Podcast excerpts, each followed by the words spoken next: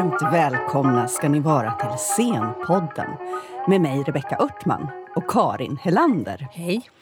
Karin, jag tänkte faktiskt kasta dig rakt in i ämnet och fråga om du eh, har någon relation egentligen till det spirituella i teatervärlden? ja, jag tror att alla eh, människor har en relation till det spirituella. Sen kanske inte alla har det till det spirituella i teatervärlden. Men jag tror att dagens ämne, som är andlighet, är väldigt allomfattande och gäller de flesta. Mm. Men den som vet mycket och har tänkt mycket på det, det är ju dagens gäst. Ja, vi ska säga varmt välkommen Lars Ring. Tack. Och vi kontaktade dig och sa, kan vi inte prata andlighet? Känner du att det är ett ämne som du kan berätta om? Ja, berätta om, men jag har alltid relaterat teater till andlighet. Jag har alltid sagt att teater det är vår nya kyrka. Det, den har samma funktion, den har delvis samma form, den har samma rötter. Och den diskuterar att, vad det är att vara människa. Eh, precis som kyrkan gör i, när kyrkan är som bäst. Alltså. Mm. Eh, för kyrkan kan man säga fastnar i en form som också är en ritual. Eh, rituella finns ju inom teatern också, men, men rent historiskt så, så är det ju så att eh, teaterns rötter eh, innan antiken och under antiken har klart religiösa drag. Eh, man kan ju säga om man vill, om man vill hårdra, och det vill man ju ibland. Det är mm. alltid mm. nyttigt ibland att hårdra för att få syn på saker. Att alla pjäser är antingen mysteriespel eller moraliteter. Alltså antingen handlar det om något djupt själsligt inom oss som vi vill tala om, som vi vill formulera och få syn på. Eh, eller gestalta. Eller så är det moraliteter som handlar om hur vi uppför oss eh, gentemot andra. Eller gentemot staten. Jag, jag brukar också alltid säga, gud vad väldigt saker, mycket saker jag brukar säga. Men, så jag har hållit på i 35, 35 år också. Ja, men, teater handlar om, om hur individen förhåller sig till familjen, till staten, samhället och till evigheten, eller slash Gud om man så vill. så att säga. Det finns också i, alltid mm. i alla uppsättningar. Men då betyder det, om jag förstår dig rätt, att när du talar om begreppet andlighet så innefattar det både liksom själsliv och, eh, existentiella funderingar och eh, sökande och meningsskapande och trosfrågor men också att du kopplar det till, inom det fältet också kopplade till kyrkan och eh, teaterns relation till kyrkan. Det är liksom hela paketet. Man behöver inte tro på Gud för att eh, varken gå i kyrkan eller, mm, eller, eller gå på teater. Nej, utan ja. andlighet är ju någonting så mycket större. Alltså, mm. Att försöka förstå mm. detta, detta fantastiska att vi tre sitter här till exempel och är människor som kan både skåda bakåt och ana en framtid och också reflektera över mm varför vi sitter här. Mm. Alltså det är för mig en, en andlig dimension. Eh, att man, och också att man förhåller sig ödmjuk till det mm. faktum att man existerar och vad man ska göra med det. Men du menar liksom att, att teatern då fyller en funktion för oss eh, i publiken och för skådespelarna som har med andlighet att göra? Så, något slags möte då, eller? Ja, men för vi diskuterar tillsammans vad det innebär att vara människa. Mm. Vi diskuterar saker som ont och gott. Den här stora, stora ångesten om, om upphörandet. Det är ju så många pjäser som gör det. Men också såna här eh, mindre saker. Alltså, vad är gott och ont i vardagen? Och, eh, hur ska vi behandla allt det som naturen eller skaparen har gett oss? Alltså sexualitet, hur ska vi behandla det? Hur ska vi njuta av sexualitet utan att såra andra. Det finns alltså moraliska frågor som har att göra med existensen. Precis. Jag undrar varför du använder just andlighet. För existentiell upplevelse skulle man kunna prata om också. För andlighet för mig bara är kopplat till eh, någon slags religiositet. Ja, men alltså jag kan inte säga att jag tror på en gud. Det, det har jag svårt att göra. Men, men det är ändå måste man ju relatera till att man faktiskt existerar. Mm. Eh, och varför det är anledningen till det. Mm. Men det är väl också någon, en, slags, eh, dimen, eh, vad ska jag säga, en slags dimension. För jag tänker på när jag, jag har ju läst dig i många år.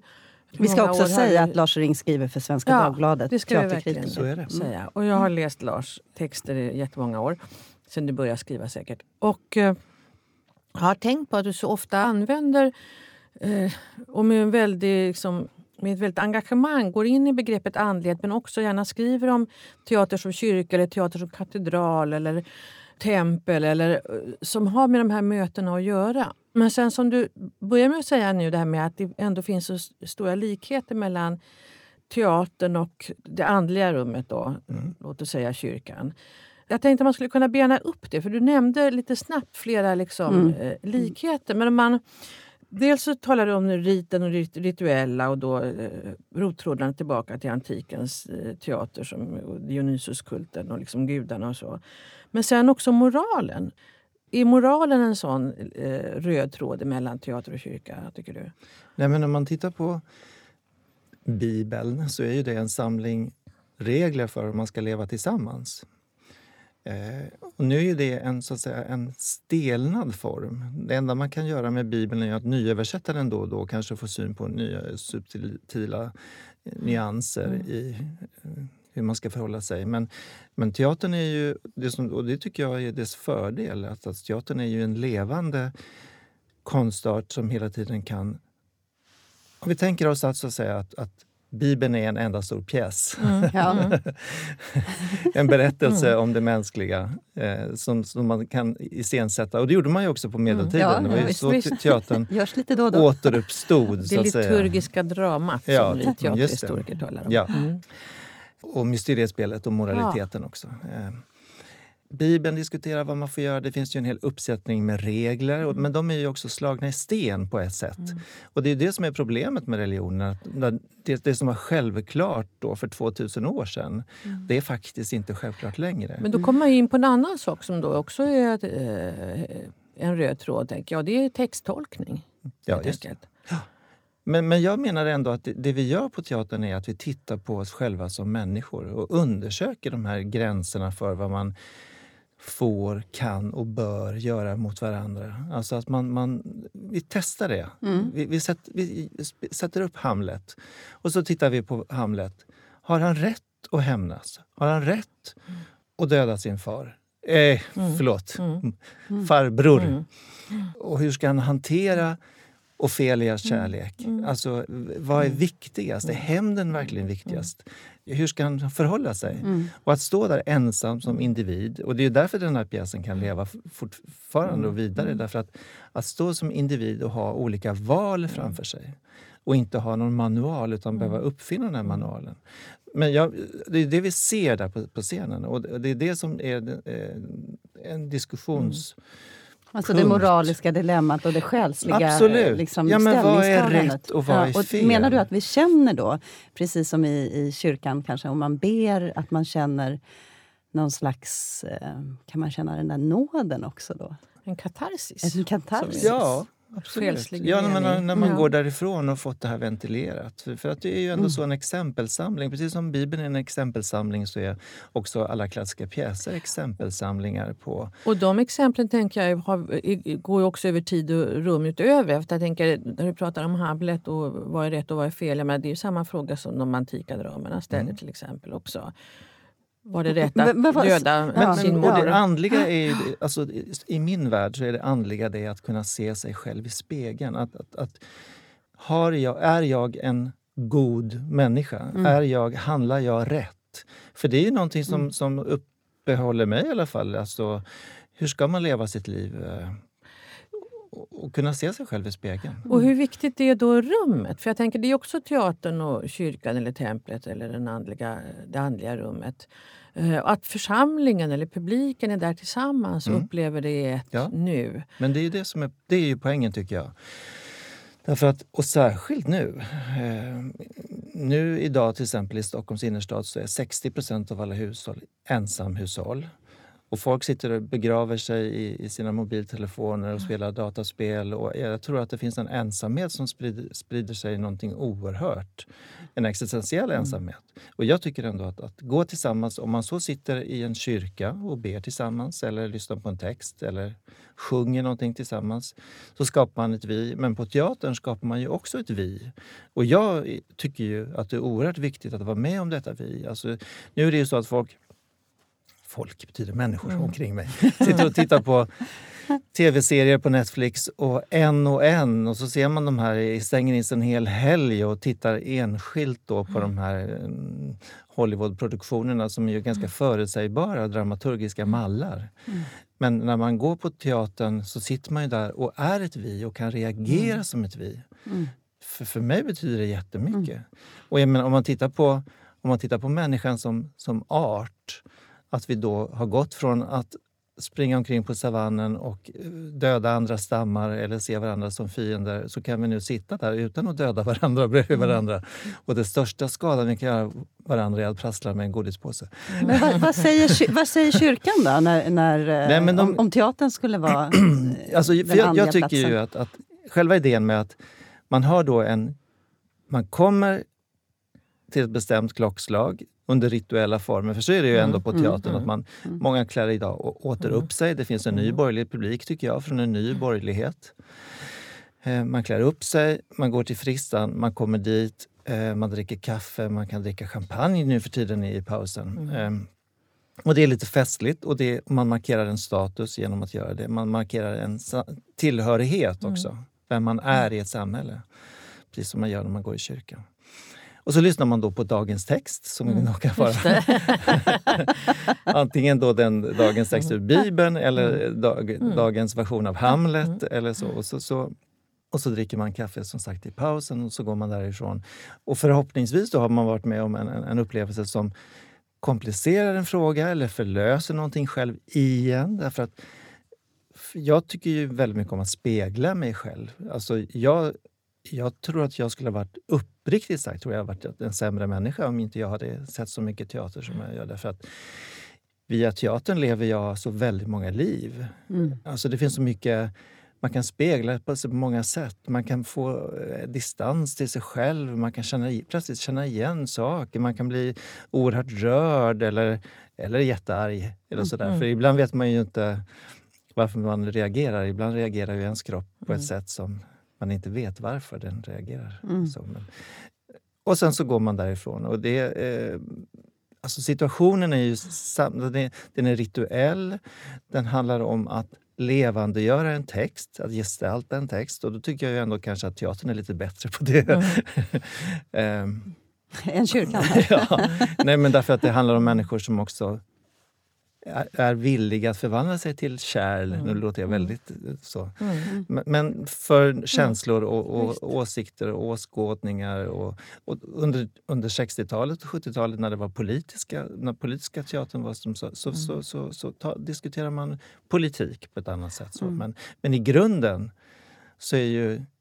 Men jag tycker, det är kanske jag som är naiv, men jag tycker att allt det man gör som människa har ju också en andlig dimension. Alltså det finns en, en moralisk... Jag har svårt att skilja på moral och andlighet. Eh, Mm, det är intressant mm, eh, att- att definiera det faktiskt. ja, det, men alltså, det var, var slutar mina val och var börjar det som betyder någonting för världen? Alltså, om jag köper en plastkasse på Konsum, och vad betyder det för miljön? Men också, det handlar ju också om om jag är god eller röstar på rätt saker och det förändrar världen. och så.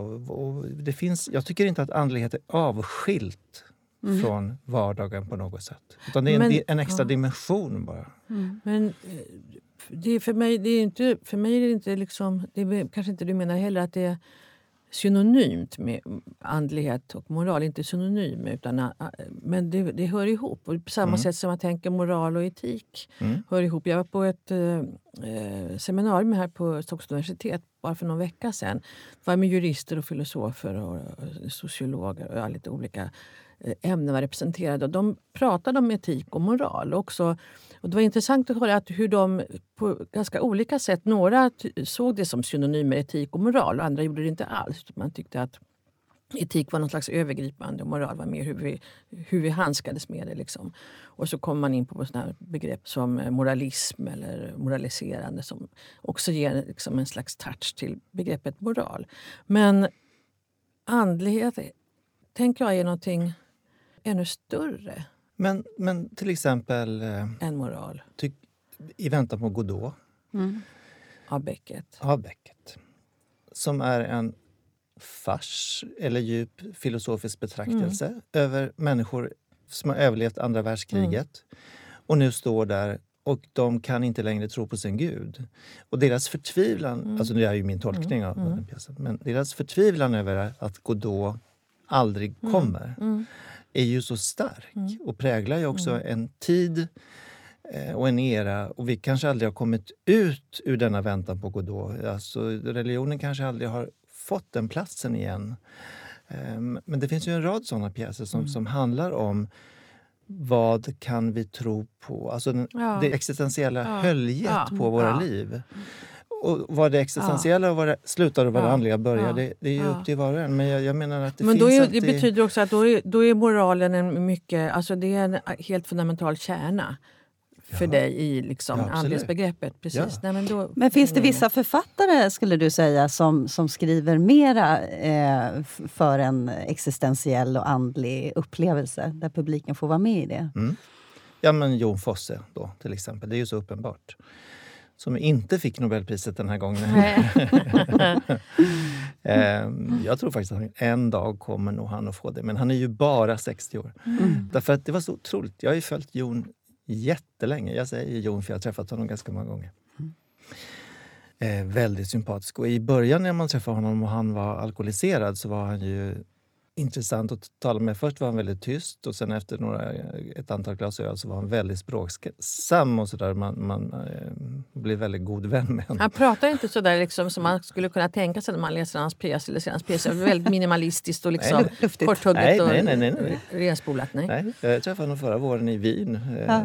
Det var jätteroligt. Eh, Han är otroligt sympatisk. Ja, du skrev en artikel vet jag. Mm, men i början läste man det ju bara som pjäser som handlar om alienation. Alltså människor som absolut inte fann sin plats i samhället. Vilket ju också är en, ett sätt att, att skriva och spela om, om avsaknaden av andlighet. Sen när han kom ut som religiös som, så, och, gick, blev katolik och har, är så starkt troende nu. Han är, alltså, han är ju riktigt, han ber ju varje dag. Och alltid när han ska somna så ber han till exempel. Han är, Men jag tänker det här sekulariserade samhället där teatern står emot då, som en andlig plats. Är det, är det så vi ska tänka kring teatern? Nej, nej men den? alltså, jag, menar verkligen, alltså jag tycker att all teater ska finnas. Allt ifrån privatteaterfarser. För jag, men, jag menar att en privatteaterfars, om den är, är väl spelad så fångar den ju också ett slags kaos. Ett slags, den här, där man inte har en aning om vad man håller på med. Vad, alltså, man springer där mellan dörrarna och förstår inte. Är, är jag totalt galen? Den Är, existentiella paniken. är världen galen? Ja, Eh, den har vi ju känt. men också alltså, sexualiteten då, som, som ju också är en sån här fantastisk eh, äventyr alltså, som man ju kan utforska på alla möjliga sätt och förhålla sig till på alla möjliga sätt. Och det, det tycker jag kanske är en av, har varit i alla fall en av kyrkans stora brister, att den inte har förmått att möta sexualiteten eller att, att förhålla sig på ett, ett vettigt sätt till den. Men det gör ju däremot teatern. Minst sagt kan man ju säga. Och där finns ju också öppningar till att förstå andra former än, än bara man och kvinna, de här stereotyperna hos teatern. Så teatern är helt enkelt en mycket bättre religion än någonting annat. Men vad skulle kyrkan säga att de, de gör som är det där extra då, som inte teatern har? Är det, är det Ja, men det är det absolut att följa reglerna. Det alltså det. mötet med Gud? Eller, Nej, eller, nej, men det är helt enkelt att, att man sätter upp regler som man absolut måste följa. Mm. Därför att jag tror också människor kan bli så förtvivlade över sin valfrihet. Att man inte vet vad man ska ta vägen. För att det, varje pjäs handlar ju bara om ett litet val. Så att säga. Ska Antigone, eller litet, litet, ska Antigone begrava sin bror eller inte? Mm. Ska hon då göra uppror mot staten eller ska hon följa sin släkttraditionen att ta hand om sin broder? Och det är där du tar moralen. Alltså de moraliska valen, Ja, i det. lilla och det Ja. stora. Men du, jag tänkte fråga det här med Jon Fosse igen. Läser du hans pjäser på nya sätt eller skriver han på nya sätt? Nej. Efter, nej? Jag läser honom på helt nya sätt. Det var, det var som en uppenbarelse för mig Ja. att läsa om alla... Alltså jag blev lite besatt av, av Jon. Han skrev ju väldigt mycket. Han har skrivit mer än 35 pjäser ungefär. Och I början när jag skrev honom så såg jag det bara som rapporter från en ödslig samtid. Ångestskapande, men också med en... Han skriver ju om, om den norska västkusten och bergen och havet som en sy- evighetssymbol. Och det här gigantiska, stora himlen och haven och bergen som ju är hans stora teman. I hans diktning också. Det finns en fantastisk diktsamling som heter Sten till sten som är, kan jag rekommendera. Mm. Var När vi? du läste om ja, nej, just det. Jo, Ja. men då så, och så, så kommer han ut som religiös som sagt och, och, och blir så starkt troende. Och sen när man läser dem då så, så, så, får pjäserna faktiskt en helt annan betydelse. Därför att rymden i dem, som först bara var så att säga en slags ödemark, en ödslighet, en öken, blir nu, nu alltså fyllt av en längtan eh, efter någonting, efter en evighet. Från ev ödslighet till evighet. Mm. Och den längtan är så stark och så vacker tycker jag på många sätt. Mm. Så att jag tycker det finns något helt annat i de här Kan man läsa så i, i, för Godot också? För Beckets pjäser? Att det finns en längtan? Eller var han mer krass? Alltså, Verklighetsbaserad. Jag, jag, har- jag har ju sett så otroligt mycket Godot. Det senaste som drabbade mig väldigt mycket var den jag såg i Tyskland, som, i Berlin, som, där de sitter i ett fångläger. Alltså i ett, nazist, eh, ett nazistiskt fångläger. Och det är bara så sökljus som sveper. Och, och, så, och, så. och det blev ju jättestarkt också. Mm. Så man kan ju tolka den på jättemånga olika sätt. Mm.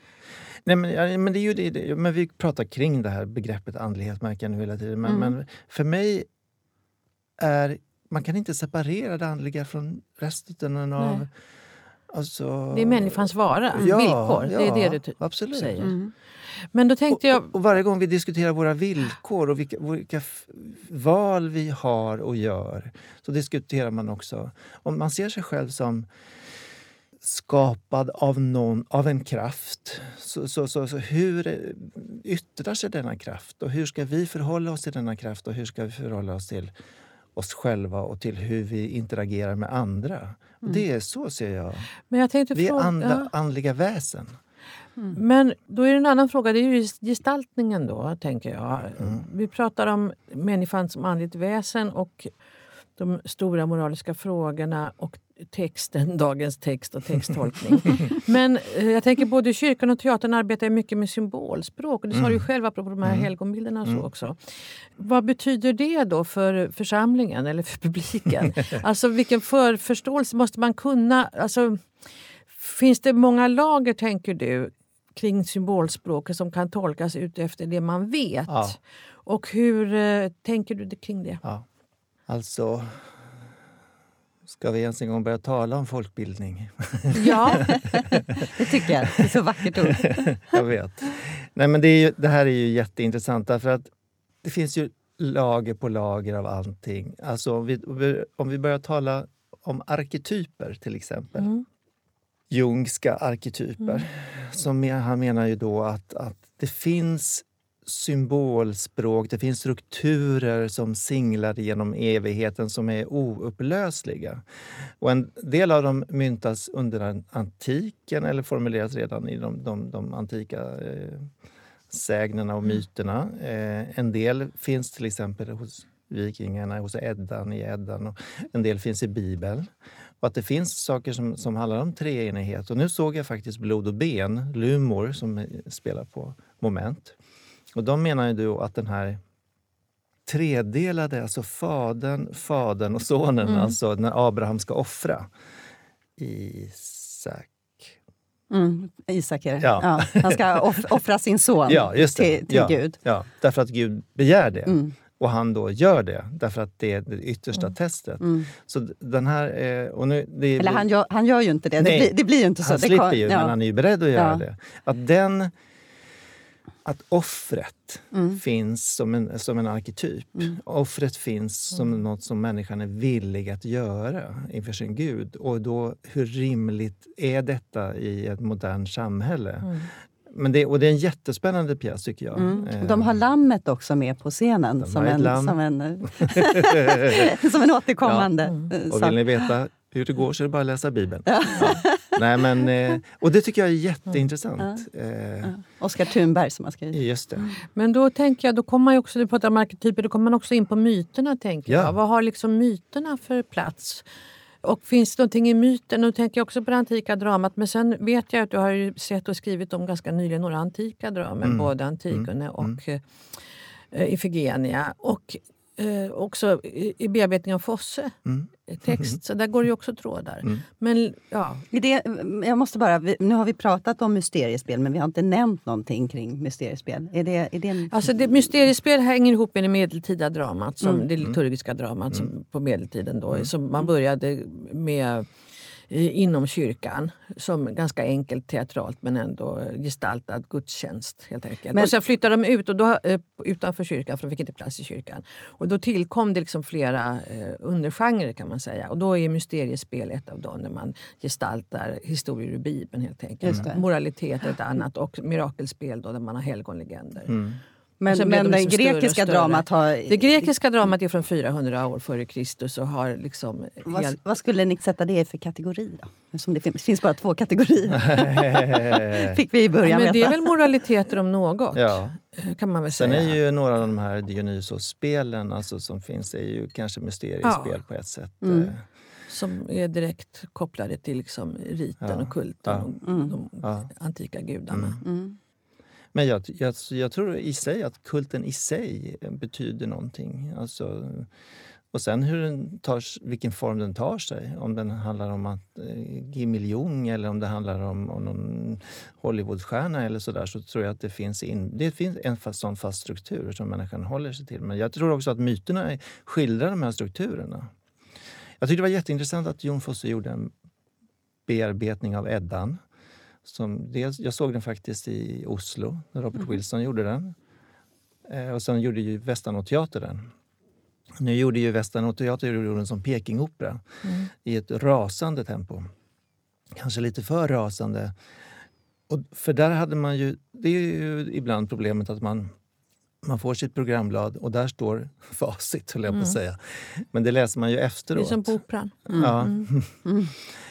Mm. Men eh, det, det är spännande därför att i den mytologin finns ju också mycket saker som alltså undergången, den väntande undergången till exempel.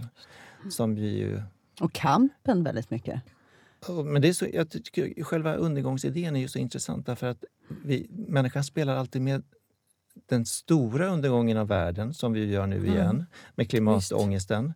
Och den lilla undergången att vi själva ska dö. Så att Ja. säga. Det, Mm. eh, där bollas vi fram och tillbaka. Och det är därför som en sån här sak som när Greta Thunberg åker jorden runt och säger att klimatet eh, kommer att döda oss alla, höll jag på att säga. Men då, den stora ångesten tar över mot, gentemot den lilla Ja, personliga. Det blir, vi bollar saker. Men jag tror Mm. absolut att det finns strukturer som människan lever i och tänker i och fungerar i och att vi måste tala om dem eller få dem gestaltade. Det är ju en sak att läsa så, böcker, det gör man ju på egen hand och, och det kan vara fantastiskt och underbart om man skapar en, en, en synbild, en visuell bild av vad man, vad man ser och, och man ger dem röster och sådär. Men att få det gestaltat via en annan människa, det är ju det som, är, som jag tycker är gåvan. Att i ett rum tillsammans med andra människor får se en, en skicklig skådespelare gestalta det, det som den känner. Ja, Men- det, är, mm. det är den stora gåvan tycker jag. Mm. Men du, jag tänkte på ändå... Eh, om, man, om man tittar på tråden från det antika dramat då till idag och du, när du pratar om de mä- mänskliga valen och de moraliska valen man gör eh, hela tiden. Eh, Att det är liksom det grundläggande mänskliga villkoret. så. Men i antika dramer så är ju det ändå så att människorna är gudarnas Lekbollar. verktyg och Mm. lekbollar. Eh, Och ändå inte. för att... Det är ju alltid så, som Antigone till exempel. Eller som i, i Orestin. Orestin, tack. Så är det ju så att, att de här personerna har alltid olika gudar de kan följa. Ska de hämna sin far? Eller ska de inte hämna sin far? I vilket fall så kommer de att straffas. Ja, just det. Och då gäller det bara så att säga, vad ska de göra? Vad är mest hedersamt är fel. Men vad är, vad är det? Och, och så, så får man ta det straff som det innebär. Därför att man måste välja. Och detta val, det är ju det som följer hela tiden. Alltså, ska man anfalla Troja eller ska man inte anfalla Troja? Och, och vad är rätt och vad inte? Ska man offra Ifigenia eller ska man inte offra, Igen- offra Ifigenia? Mm. Och vad är det rimliga? Och vilka, vilka straff? För man får alltid något straff från någon gud. Mm. Så att det finns ju alltid val i dem att göra. Så allt är uppoffringar, allt är offer någonstans. Nej, inte offer, men det är val. Eh, Och så får det konsekvenser. Och så, och så är det ju. Det är rena Kierkegaard-lektionen. 2000 år innan. Eh, jag tänkte, Jon Fosse har vi pratat om. Jag tänkte, det var det första namn du sa också när Rebecka frågade med författare och så pratade vi Beckett. Finns det andra? Jag tänker på Strindberg. Eller, för har du andra exempel? Lars Norén? Eller? Ja, men Norén är det ju. Alltså, så, så, men det, så här är det ju också. Varje människa är ju en, en, en projektil som söker mening. Vi söker ju alltid mening i allt vi ser. Och ju mer man kan eller har tillägnat sig, ju mer kan man avläsa. För så är det ju. Man, man, eh, jag kommer ihåg, ut, det här blir en liten utvidgning av ämnet, men första gången jag gick på teater i Linköping och såg eh, Värmlänningarna så förstod jag faktiskt ingenting. Alltså Värmlänningar som ju är en, en Romeo och Julia-parafras fast på bred värmländska. Från mitten av Min- 1800-talet? Ja, med inlagda sånger. Mm. Och jag förstod inte därför att jag hade inte nycklarna överhuvudtaget att, att förstå. Det här folklustspelet som ju var ganska grovt spelat och de kom in och berättade roliga historier och löpa-Nisse och alltihopa. Och jag, jag förstod inte vad jag skulle ha det till. Nej, nej. Alltså jag tror att, och det är ju som opera också, man måste ju ha Mm. vissa nycklar. Man, man, man, eh, man föds ju i ett vakuum och sen Mm. så via det samhället om, omkring en och det man... eh, Men musisk, man föds musisk. Ja, om du säger det så. men, men så att ju, ju, ju, ju mer man har tillägnat sig, desto mer kan man avläsa. tycker Mm. jag. Och desto mer kan man problematisera. Och desto mer kan man generalisera också. Eh, sådär. Så att det, man ska ju inte tro kanske att allt är för alla. Det är en sån här viktig sak som, som när jag ska försvara varför jag är teaterkritiker så tycker jag att ja, men man ska berätta om vad det var man varit- med om så att man kan förstå vilken vem det här kan intressera. Eh, Sådär, så att man inte rekommenderar fel saker till fel personer för då slutar det med att ingen vill gå på teater om man bara sånt som man inte kan ta, ta ställning Mm. till. Jag tänker också... Men-. Men det var inte det vi pratade om egentligen. Utan Nej, vi pratade om... Be- Jag tänkte, du pratade om det här med... Ja, Norén skulle vi... Ja, Det var det, jag, var Norén det vi är jag ville komma in på. Mm. Ja. Och Norén har ju också genomgått så olika faser. Men det som jag... Ja, men från de här ung man som lider, ung oidipal man som lider till de här borgerliga komedierna på 80-talet som ju också har de här antika strukturerna. Ja, det mm. finns ju det är ju rena rama eh, Klytaimnestra Ja. och Den onda modern. Ja. Och, Modermord. ja. och sen de här, sen när han drabbas av en kris och, och börjar skriva mycket, mycket sparsamt och, och skriver om existentiella situationer. Tills nu då när han har börjat skriva sig fram mot någon slags ordlöshet därför att han vill skildra också hur hans egen hjärna sakta slocknar. Alltså hur, vad, vad, vad, vad, vad tänker man om man är afatisk? Vad kan man, man, vad kan man påstå? Vad kan man, att gestalta det är ju också fantastiskt tycker jag.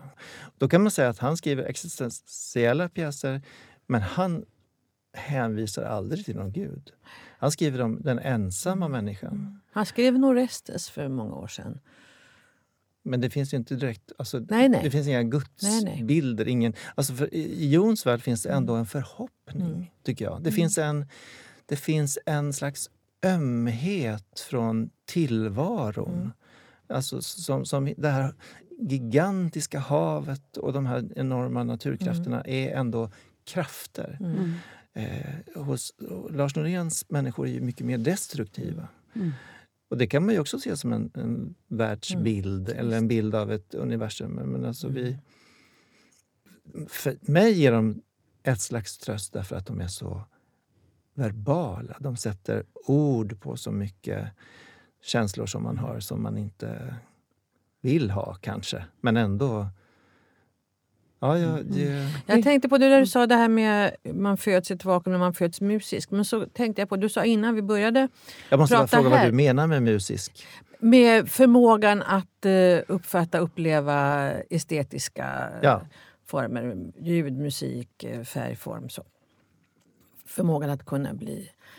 Ett begrepp taget från de nio muserna. Ja, det kan man väl säga. Jag vet att Eller just inom spädbarnsforskning var Joror Björkvold, norsk musikforskare som tidigt skrev om den musiska människan. Om hur liksom man som Mm. foster redan börjar lägga märke till eh, eh, rörelser, Rytmer, rytmer, ja. ton, eh, Mm. eh, melodier eh, och så vidare. Hur det liksom sen utvecklas som människa. Att man föds inte blank, liksom, utan Nej. man har det med sig. Och eh, då tänker jag att man...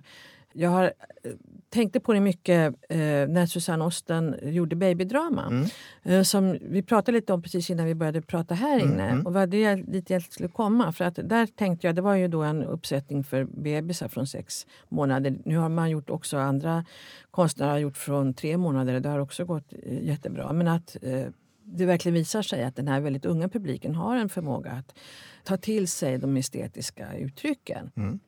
Men då sa du att babydrama kunde du också här liksom leda till en slags andlighet. Och det var inte det första jag tänkte på. Men jag, jag börjar ana vad du menar. Men, ju- men här- hur tänker du kring babydrama? Men ofta, jag har ju skrivit i 35 år nu och ofta numera så brukar jag f- fråga men vad är det bästa du har sett. Mm. Så, ja, säger man då. Men det, om, om, det känslostarkaste jag har sett är nog babydrama. Eh, nej, men det var så att jag fann mig själv stå på Sergels torg och gråta efteråt. Därför att jag var så... Jag blir själv rörd nu fortfarande. Efter, därför att den här pjäsen går ju ut på väldigt mycket saker. Den, men framförallt det stora, stora som jag upplevde var den här, en vilja hos ett ofött barn att vilja bli född. Mm. För så, det, Det var ju det det handlade om. Mm. Och så, så, så sitter ju då eller ligger eller kravlar eller springer omkring väldigt små barn och deras oroliga föräldrar. för de är oroliga för att deras barn inte ska Mm. uppföra sig rätt. Mm. Ehm, och så satt jag bakom och tittade på det där. Men det tycker jag att det, var fascinerande att se hur barnen så att säga också härmar. Mm. Att teater Visst. också en, har en socialiserande funktion. Ja, imitation. Ja, att det vi ser på Ja. Kan vi ta till oss som rätt eller fel beteende. Alltså vi har ju så otroligt mycket. Mm. Ja. Jag kan ju börja slå er nu till Ja. exempel. Men jag väljer att inte göra det för jag har sett så mycket pjäser där de inte gör det. Nej men ni förstår vad Ja. jag menar. Alltså Ja. det, eller överhuvudtaget hur man talar och förhåller sig till människor. Eh, Men det här var det stora temat. Jag vill bli född. Och jag fick en sån här otroligt stark upplevelse av att jag vill också bli född. Ja. Alltså jag vill bli mig själv, jag vill bli den jag kan vara. Mm. Jag skulle vilja maximera min egen existens. Jag, Låt mig börja om från början, jag har gjort allting fel. Nej, men alltså så här, riktigt, riktigt stark. Jag kunde inte värja mig mot det. Mm, jag var där också med min fyra, Ja. fyra månaders eh, bebis. Ja. Jag var precis sådär Mm. totalt eh, knockad faktiskt av den upplevelsen. Och det är väl Ja. en existentiell Mm, upplevelse. Och Ja. var, hur skiljer man det från att vara en andlig upplevelse? Men jag tänker att det är ju, nu, alltså det är ju ett mirakelspel. För jag tänker när du talar om det nu så tänker jag, den handlar ju precis om det. Jag vet att Susanne Osten själv talade om det, alltså vi bara nej, att det handlade om att miraklet att bli till och miraklet att födas Ja. och lusten att Ja. leva. Eller lusten att möta Ja. livet. Och det är väl ett mirakelspel om något, Mm. tänker jag. Men jag måste bara fråga också, Ja. det här med tid tänker jag kanske också behöver tittas lite på utifrån ett andligt perspektiv. Finns det, något, finns det någon eh, koppling till också tiden i det här andliga upplevelsen? Mm. Där har vi då kanske regissörens stora uppgift. Att hitta, som Erik Strube, före detta Dramatenchef, men nu på Det Norske Teatret som ju alltid i sina faktiskt ganska långsamma uppsättningar kan lägga en jazzslinga som sen ekar genom hela uppsättningen. är, nästan alltid det han har gjort så finns det ju en sån spröd ton men också en rytm som håller Mm. ihop ensemblen och som skapar ett rum som är laddat med någonting. För det, jag menar, det är också en beröringspunkt med kyrkan tycker jag. Ett kyrkorum är alltid laddat av någonting. Av våra förhoppningar, av vår vördnad, av vår skräck. och av traditionerna framför allt. Och teaterrummet är ju också alltid laddat, tycker jag. Alltså det finns en förväntan i det. Så att säga. Sen är, eh, det, kan ju finnas traditioner också, även om inte... Och gå på Dramaten är ju en viss form av... Drottningholmsteatern ska vi inte tala om. Det finns traditioner i det. Men eh, rummen är laddade med energier i bästa fall. Jag tänkte Erik Stube gjorde ju en antik, bland det sista han gjorde på Dramaten nu innan han försvann. En dubbel... Antigone Antigone. Oidipus. Ja, Det var Som- inte det sista, men, men det var mm, ganska nyligen. Ja, men, och då, men den hade ju också just den här... Eh, alltså där fick tiden en annan dimension Mm. tyckte jag när man såg den, speciellt i Oidipus. Och det här eh, andliga rummet och just dagens text i församlingen. Det var en ny, jag har för mig att det var en nyöversättning, var väldigt renspårad Mm. text. Mm. Blev ju, det var ju väldigt mäktigt tyckte jag. Och sen var det ju det att han förmådde, eller ensemblen, förmådde ladda sina rollgestalter så mycket. Så när Gunnel Lindblom kommer in som Theresia, som är den här gigantiska hunden, Ja. så blir ju det sådär... Dels att det är, att det är en levande hund som Ja. blir så otroligt betydelsebärande Ja. på ett märkligt sätt. För Därför att Och som inte är gullig alls. Nej, nej men, nej, men alltså att ta in ett, Mm. att i den här kontrollerade formen plötsligt ta in ett vilt djur, ja, hund, hund men ändå. Ja.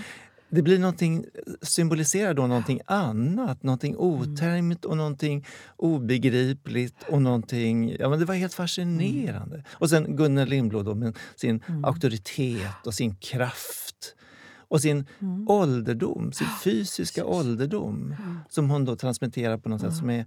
Det var Ja, det jättestarkt. går över tiden. Ja. Ja, och det här är då en komposition, liksom, Mm. pratar vi Ja. då, och rytm igen till det musikaliska. Och egentligen. regi. Mm. Men då kommer jag att tänka på, apropå Dramatenchefer som har slutat och kommit till, så tänker jag på den nya Dramatenchefen Mattias Andersson. Mm. Det är väl också en författare och regissör som verkligen har brottats med de andliga Mm. och existentiella Genom Dostojevskij frågorna. uppsättningar Ja, mm, till exempel. och även jag tänkte hans Uppenbarelsen som gick på Dramaten. Som också var mycket bibelparafras Mm. och eh, handlade verkligen om de andliga stora frågorna. Mm. Finns det, tycker du, i den nya generationen fler dramatiker och regissörer som har det här sinnet för det andliga? Det poppar ju upp här och där. Jag tänker på Astrid Sellbach. Hon skrev en del såna Mm. eh, dramer som hade just den här andliga dimensionen eller längtan eller förväntan som man inte riktigt kunde beskriva. Eller den fanns liksom i rummet odefinierad. Mm. Alltså jag tänker ju på Paula Stenström Öhman. Mm. Mm. Hon skriver ju starkt betydelsebärande texter, tycker jag. Ehm. Men, men, men jag tycker verkligen att alla de här pjäserna som beskriver en samtidsångest och sökandet efter räddning, höll jag på att säga. Mm. Någon slags tröst. Alltså, för jag, jag har så otroligt svårt att se... Alltså det kyrkan är bra på är ju så att säga, säga att det finns en gud. I princip ser han ut så här. Mm. Han har en son. Han ser Mm. absolut ut så här, Mm. det vet vi. Och, och så, så tror ju inte vi på Maria. Mm. vi som inte är katoliker. Eh, så ser det ut och, och, och så här ska ni göra. Här är vägen till frälsning. Och, eh, nu är ju helvetet avskaffat. Det är ju väldigt Mm. intressant tycker jag. Eh, på många sätt. Därför att mycket av jag menar till exempel Molière och Don Giovanni och allt det här. Det, det bygger ju på att det faktiskt finns ett straff. Ja. Ja. Om man tar bort straffet så... Ja, så eh, men, men straffet är väl i såna fall då att ha all den här ångesten alltså, som vi har i det levande livet. eh, Men, och hur man hanterar den. Det tycker jag är... Men du menar att kyr, kyrkan inte pratar om eh, helvetet? Eller varför är straffet borta? Nej, man har ju tagit bort helvetet. Man har bestämt att helvetet inte finns. Djävulen kanske finns, men helvetet tror jag faktiskt inte. jag tänker på de här grekiska dramerna. De, är ju också, de, de pratar ju om liksom med, med gudarna långt ner och högt upp. Alltså att det finns en, en riktning i de mm. pjäserna. Mm. Eh, det ser man kanske inte så ofta nu i den Nej, alltså, dramatiken. Det här, det här, vad ska vi säga, teatern som terapisoffa är ju också alltså ändå på vägen att förstå sig själv också. För ja, men det har ju under 1900-talet mm. så är det ju så. Eh, sen Freud, efter Strindberg, alltså, eh, så, så har ju teaterns terapeutiska funktion rent psykologisk och med psykologiska förklaringsmodeller. Mm. Jag tror, nu är det väl ändå så att, att den moderna psykologin tar avstånd från Freud mer och mer. Och eh, det är inte så enkelt som, som han påstår och att det finns väldigt mycket olika faktorer som påverkar en det ena och det andra. Men, men alltså att man diskuterar... Att, jag menar, varje gång man diskuterar vad, vad, vad en själ är och vad, hur människor flyr undan vissa saker eller mm. ljuger för sig själva så talar man väl också om sina livsbetingelser och därmed är de väl också andliga. Jag, jag kan inte riktigt skilja... Skilja dem åt egentligen? Nej. Nej. Alltså, om man ser människan som en, en andlig entitet, mm. för det, det ty, mm tycker jag att man kan mm. göra. Sen men kanske det... inte alla känner sig som andliga entiteter. Det är mycket möjligt, men... Oftast inte, men ibland. men jag måste fråga Karin också, kan inte du beskriva det här med katarsis? För det är ju ett begrepp faktiskt som finns inom teatern där, där vi berör det här med andlighet. Eller vill du göra det? Ni, ni kan ju bolla Nej, det. Men, alltså, jag kommer ihåg när, vi, när jag läste teatervetenskap mm. för jättelänge sedan och hade Wilmar Sauter och mm. han påstod någonting om katarsis och jag hade en annan åsikt. Nu kommer jag inte riktigt ihåg vad det var men, men enligt min mening är ju så att säga, katarsis något som uppstår inuti varje person mm. mm. efter behov eller inte. Det är ju inte så att en hel publik kan drabbas av katarsis och det är inte så att det finns något automatiskt i det utan utan det kan bara vara så att man får en idé, en uppfattning, en tröst. En, eller att bara inse att någon annan har känt samma sak. Att man får, eller att någon har grubblat över samma sak. Att se att, att i, vi är så otroligt lika varandra även om vi tror att vi inte är det. Mm. Och jag uppfattar det nog också så. Sen så är det ju så att katarsis är ett begrepp som inte det har ingen entydig tolkning Nej. utan det finns liksom många tolkningar. Men när man pratar om det till vardags, mm. som, man, som man ju ofta ifrån? gör, så hänger ihop den antika teatern, Aristoteles och eh, där man tänker sig att, eller som jag också har översatt det för mig själv, att den enskilda personen så att säga kan uppleva vad man kallar för en själslig rening. Och liksom man har då uttryckt som genom fruktande medlidande med det man ser på scenen. Mm. Det man går igenom mm. på scenen så, mm. så, drabbas man då av en slags själslig rening. Och det tänker jag att den eh, för mig själv i alla fall, det katarsisbegreppet, det eh, har jag ju liksom upplevt till exempel på den här Erik Stubes uppsättning av Oidipus så tycker jag mm. nog att jag precis fick en liten släng katarsis. Om man, om man vill vara spekulativ så kan man jämföra det med att ta nattvarden till exempel. Men, men då, då är ju en, det, att ta nattvarden är ju så att säga en mekanisk sak som man gör så får man ändå syndernas förlåtelse. Men, men här tycker jag att, att katarsisbegreppet är ju då gör att man får en slags syndernas förlåtelse genom att man inser det. att det här är. Ett mänskligt ja. villkor. Mm. Att det, här är, det här är någonting vi måste dela. Och då, så, så delar vi det och så ja. känns det inte så tungt. Mm. Du reser ju också mycket och ser mycket teater utomlands, mm. i Berlin och mm. på olika ställen. Mm. Kan du se att det finns någon skillnad i hur man gestaltar det andliga internationellt och ja, absolut. med den svenska teatern? Hur då? Ja, men jag, jag tycker att den, den svenska teatern med sin, sin eh, psykologiska realism öppnar ju väldigt mycket för att vi verkligen tränger ner på djupet. Att vi vågar säga saker, att vi vågar påstå saker via ord och gestaltning. Sen är det intressant att vi har vissa hang-ups om att vi inte vill klä av oss. och så där. I tysk mm. teater är det så, så fort något börjar så börjar de klä av sig och hälla blod på varandra. Jag, jag skämtar nu. Men det, det finns, Men det är, ändå, det, det är så intressant för att i, i mm. nakenhet i tysk teater, det finns det är så många skådespelare, de är inte lika kända, de är inte lika privata, de är inte lika personliga, de är inte med i tv hela tiden. Mm. Därför när de klär av sig så är det bara tecken på ja. sårbarhet. Men om Jan Malmsjö skulle klä Mm. av sig så skulle så här, åh titta Jan Malmsjö är naken. Ja.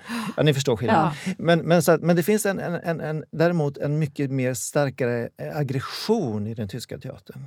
Som är jätteintressant tycker jag att förstå varför den är så tydlig. Och så finns ett sätt att använda rösten på ett mycket mer instrumentellt sätt. Svenska skådespelare kan ju vara så privata, använda sin privata röst mycket mer. Om man åker till USA som jag gjorde då förra, nu i våras och tittar på Nu skriver dramatik, jag vill se vad den handlar om fortfarande så eller nu, så var det fortfarande väldigt mycket komma ut-pjäser. Eh, Men det var också en del som diskuterade tillhörighet, rastillhörighet och social tillhörighet eh, och sådana saker. Men däremot så är ju det en sån precis som en del av den franska teatern, alltså boulevardteatern, att den, den, den ska bestå av tillräckligt mycket markörer alltså, som gör att man inte behöver känna sig personligen drabbad. Alltså det ska vara mer underhållning, man ska kunna lättare komma undan.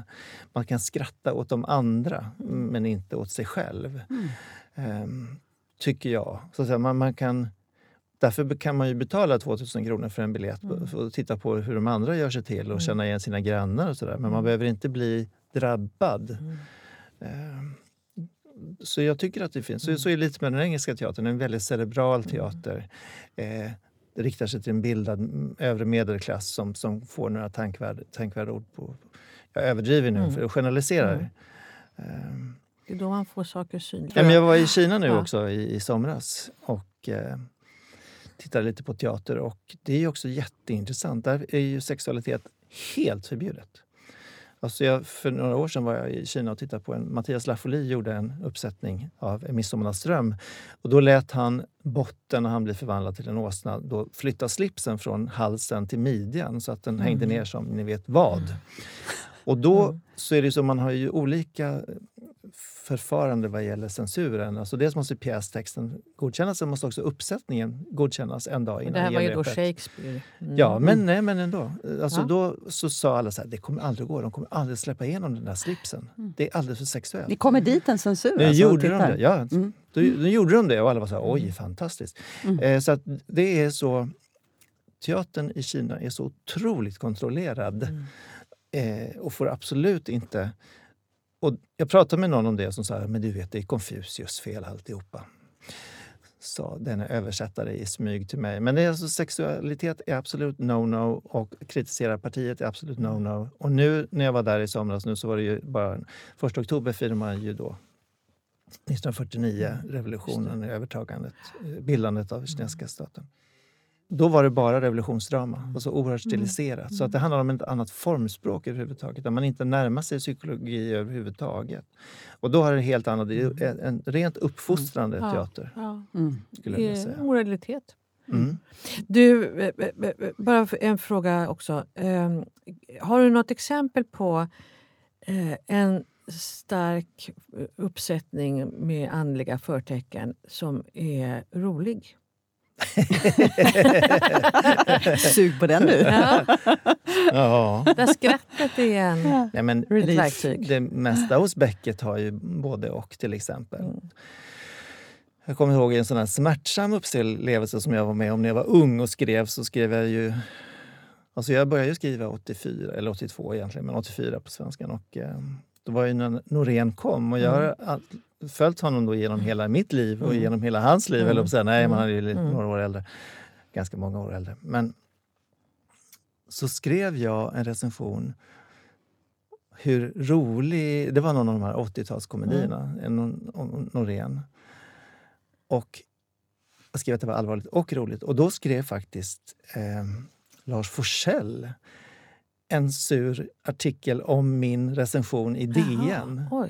Där han tyckte att man kunde inte vara både och. Alltså att det var absurt att påstå någonting sånt. Att han var jätterolig och drabbande. Och så skrev jag att... Eh, då skrev jag bara helt enkelt att det, men jag, ni får gärna bråka med varandra men gör det gärna utan att blanda in mig. Ja, Så, ja, Och då skrev han faktiskt till mig ett personligt långt brev och där han faktiskt bad om ursäkt. Alltså Ja, Lars Forssell. ja, för han är väl både och. Eh, och insåg att eh, det kanske inte var, det kanske var så i alla fall och att det inte var mitt fel att Lars Norén också var, var rolig och drabbande Mm. på en gång. Så det är klart att det finns. Jag menar, det befriande skrattet är ju så nära den befriande gråten. Om du skulle önska någonting för teaterns framtid kring det andliga och existentiella, vad skulle, vad skulle du önska då? Alltså jag, jag, tycker nog att teatern har en ganska svår situation just nu, precis som pressen också för övrigt. Man söker sitt existensberättigande. Och jag skulle vilja kanske att man tog... Alltså regionteatern har det ju jättesvårt med sina urholkade mm. anslag. Det är nästan förskräckligt tycker jag. Och det är ju ändå regionteatern som det här landet står på. Det är ju fötterna, mm. alltså vad gäller teatern. Eh, för, för, alltså man tänker sig, vad är svensk teater? Jo, svensk teater är just nu 20 föreställningar som spelas på väldigt små orter. Mm. Och sen är det några på Dramaten och någon på Stadsteatern och en på Operan. Alltså det, men det är ju där som... Där, mm. och där borde man ju hitta sitt lokala, både lokala och världsomfattande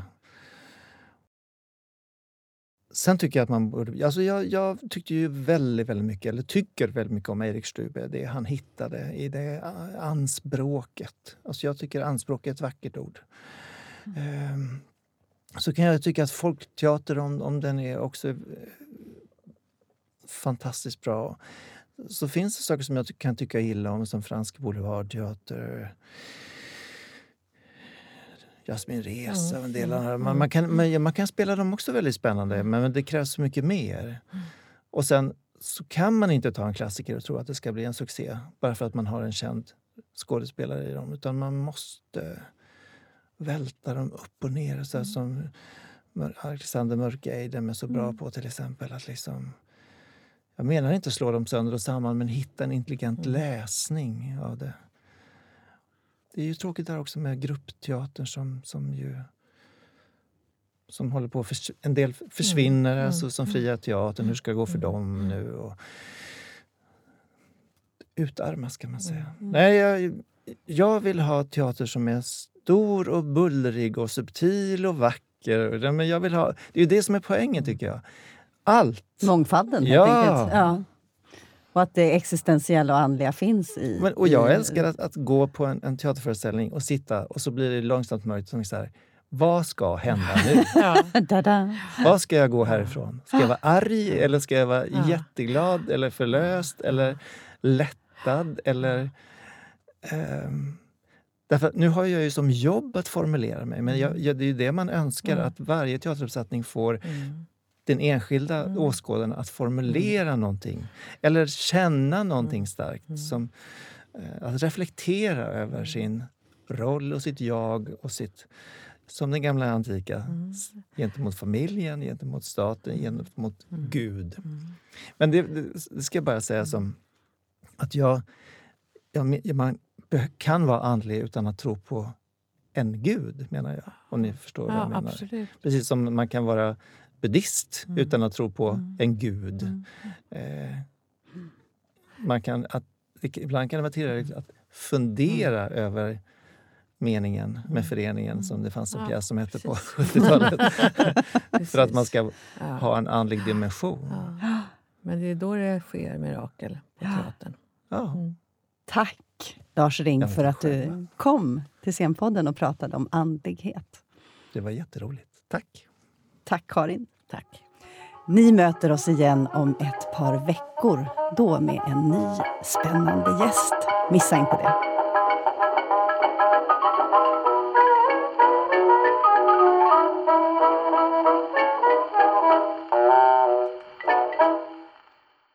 Du har lyssnat på Scenpodden, en podcast från Rats Teater och Humanistiska fakulteten vid Stockholms universitet. Podden spelas in på Språkstudion och tekniker är Henrik Nordgren.